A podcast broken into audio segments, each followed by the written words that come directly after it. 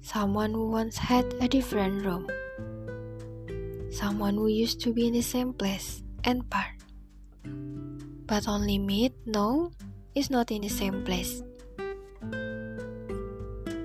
Someone who has now moved temporarily for some time to my island, but not in the same area.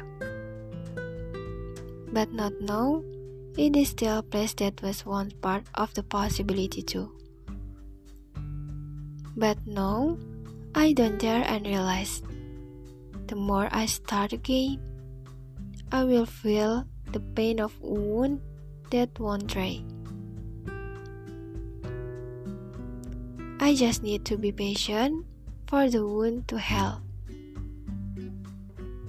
Only fate may not be on your side. I'm even now still trying to normalize the unstable test atmosphere.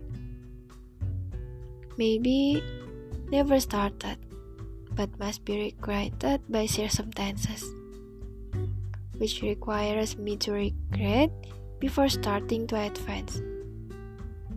No problem, just need more time to prepare yourself to be fine again. Thank you for being a part of my beautiful fairy tale.